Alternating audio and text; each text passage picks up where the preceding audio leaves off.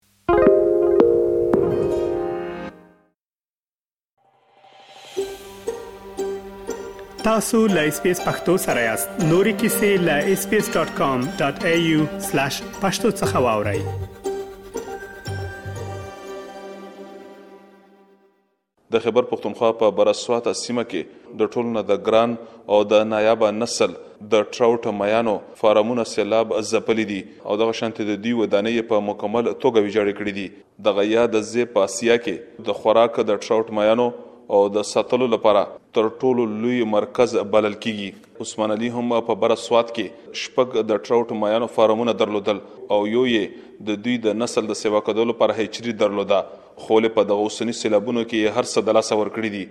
دوی ویل چې په اوس وخت کې په سوات کې د څلورو سوو نه سوا د ټراوټ او مایانو د ساتنې ځایونه وو، خو په دې کې دوه سوه دغه شانتې دي چې په مکمل توګه ویجاړ شوي دي او لاکونه کیلو مایان د سېلاب اوبو له ځان سره وړي دي. د ټراوټ پارک، ټراوټ فش فارم، اونرېما، دغه شان زما خو ذاتي پنځه شپږ فارمونه دي. اسوسیشن په تور باندې زه جنرل سیکرټري یم. زه د ناینټي ټو نه د ټراوټ سره کاروبار کوم او دغه زمونږ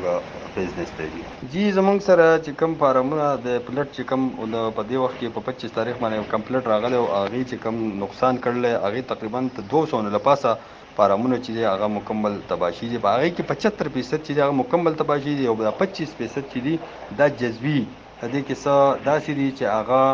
نیم تباه شوي دي په دې کې څه داسې دي پچهتر فیصد څه پکې داسې دي پچیس فیصد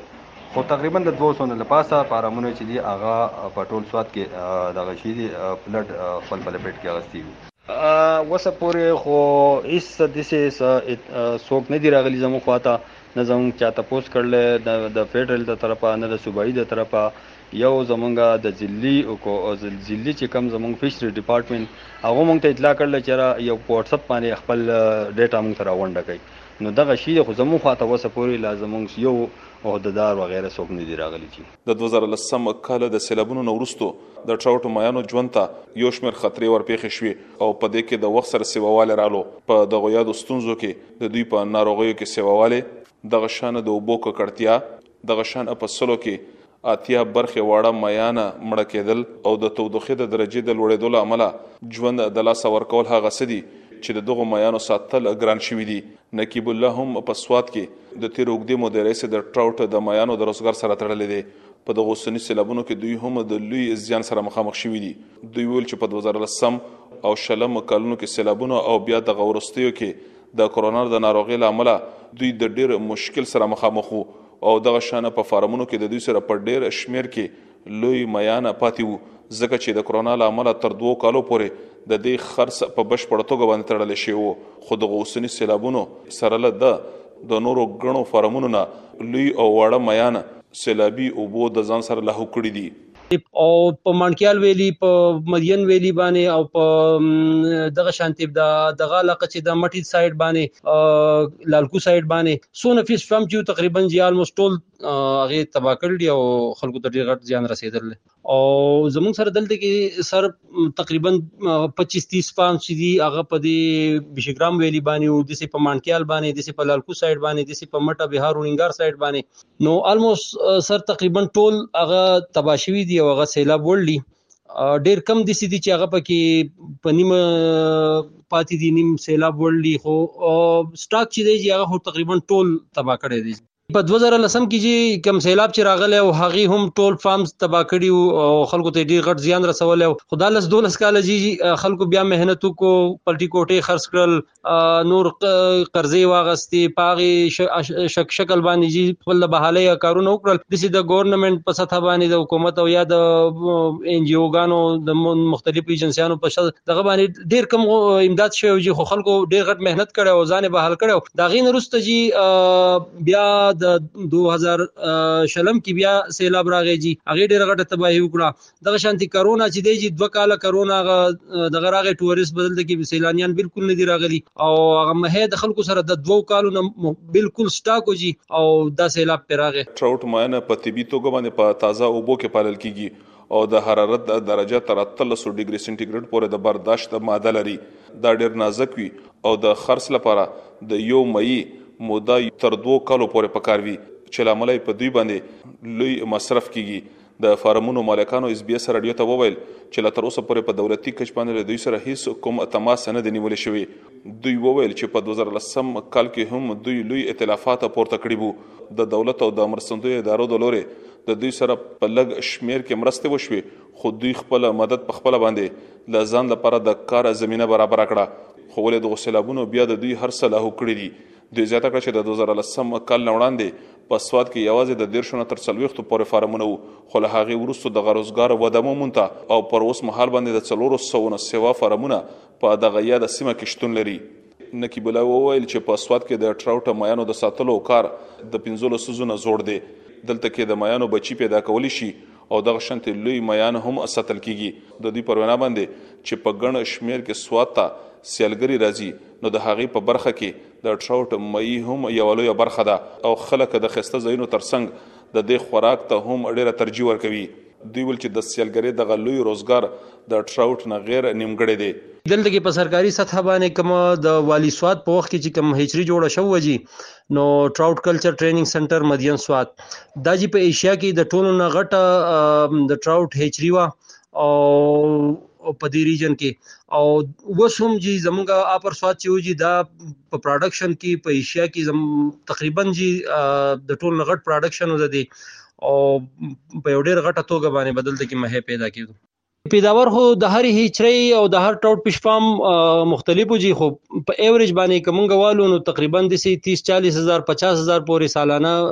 30 40 50 هزار کیلو پیداوار د هر هیچري او د سي په مدین په ویلی باندې چې د بشګرام ویلی باندې تقریبا جی دا په چستي سچریانی چې دي مکمل توګه باندې سیلاب وړل دي او سټاکي وړل دي ټراوډ خو ډیر غټ اهم کردار او دلته کې په دې سواد په ټوریزم کې سونه سیلانیان چې براتل باجه په خصوصا د دې لپاره راتلل چې مدین کې یا کالام کې بحرین کې به ټراوډ مه خورو او پاغي کې ډیر غټ کردار ادا کوو دغه شانتي د ټراوډ مهي په هچري کې په هیچینګ کې بیا په فش فارم کې هم په سونو خلک په زرګونو پر روزګارو دغه شانتي د دې سره بیا ریسټورانټ وي او نور کاروبارونه د دې سپلایانو کې خلک په تقریبا چې په زرګاو لکاو خلک په دې کې په روزګارو او ډیر غټ پروډکشن وجي د هر هچري تقریبا 40 50 هزار کیجی سالانه پروډکشن عثمان علي وویل چې په پرله پسې د قدرتي آفتونو کرونا او دغه شنتي په سیمه کې د ترهګرۍ له امله د ټراوټ روزګار ته لوی زیان رسیدلی دی دوی غوښتنه وکړه چې په دولتي کچ او غیر دولتي ادارې له دوی سره د خپل د بیرته د روزګار د شروع کولو په برخه کې مرستې وکړي د دوی پر وینا باندې چې لوی ائتلافات د میانو د فارمونو ودانې لمنځه تلل دي کراوډ چې دي هغه دلته کې پراډکشن دونه زیات کیږي چې دا د مدین نه دا ټول مارکیټ چې دی پاکستان څونه مارکیټ دی دا مونږ ورکو او مونږ یې سپلای کوو هغه که لاهور دی که کراچۍ ده او که اسلام آباد دی او که پېښور دی او که دغه شان دلته کې لوکل مارکیټ دی که هغه زمونږ کالام مهوډن او کومراټ وغیره چترال ایریا دا ناران وغیره دي ټول ته مونږ بچي هم سپلای کو اول مونږ سیټ ورکو او بیا د سیټ نه باغې نه عربیا فنګرلینګ وته هغه هم ورکو نو دغه هم مونږ سره خپل هچیران دي او دا غې نه مونږ پروډکشن الو او دا غې نه مونږ سیټ الو او په دې خلکو هم خرڅو او په هر مارکیټ کې څومره مارکیټ ته نه مونږ سپلای کو هغه ته زی اوس خو جدا حل نه چې څه به وایو اوس خو تاسو ته پته وه چې دغه فارمونه داسې وو په 2019 کې دوباره بیا پلټ راغلی وه غیم ډیر غټ نقصانات کړي نو حکومت خو موږ سره هیڅ مرسته نه وکړي موږ یو اسسمنټ هم کړو خو حکومت سره وعده هم کړو چې را موږ بکو د صوبایي حکومت خو موږ سره هیڅ چا وعده نه کړه او ډیر 26 30 فارمونه واشیو دلته کې پلټ راغلی و هغه نه بعد موږ بیا څه قرض ودار وکړو څه پټي مټي خرڅ کړو څه یو بل نه قرض یو او د هغې نه هغې باندې مونږ هغه دوباره دا هر څه بیا سیټ کړو او خدای پاک روان کړو خو د بدقسمتۍ نه بیا دوباره دا پلټ راغی نو اوس خو هیڅ وسیله نشته او هیڅ